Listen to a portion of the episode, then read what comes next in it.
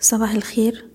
الرؤية الفنية لشركة الأهلي فاروس لتداول الأوراق المالية 9 ديسمبر 2021 امبارح شفنا مؤشر EGX 30 بيتراجع للجلسة التانية على التوالي قفلنا عند مستوى 11451 التراجع دي في إطار عمليات جني الأرباح الطبيعية جدا بعد وصول كتير من الأسهم لمستويات مقاومة كان طبيعي نشوف تهدية من المستويات دي.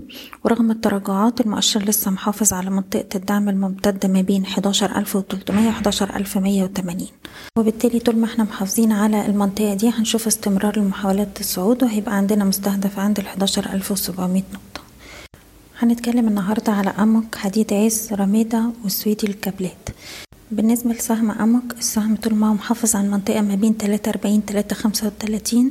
شايفين إن عنده فرصة للارتداد ويروح يجرب على مستوى المقاومة تلاتة تمانين ثم مستوى الأربعة جنيه.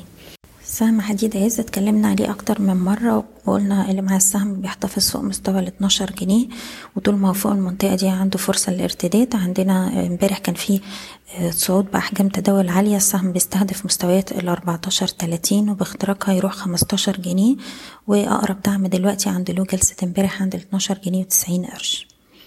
سهم رميدة عنده دلوقتي دعم عند اتنين جنيه وتلاتين قرش. طول ما هو فوق المستوى ده شايفين إنه يروح يجرب مرة تانية على مستوى اتنين جنيه وسبعين قرش. أخيرا السويدي للكابلات السهم عنده مقاومة عند التسعة جنيه وعشر قروش. اختراق المستوى ده بأحجام تداول عالية. هيضيف إشارة شراء بالنسبة لنا وهيبقى عندنا تارجت تاني عند مستوى التسعة جنيه خمسة وخمسين. بشكركم بتمنى لكم كل التوفيق. إيضاح الشركة غير مسؤولة عن أي قرارات استثمارية يتم اتخاذها بناء على هذا التسجيل. شكرا.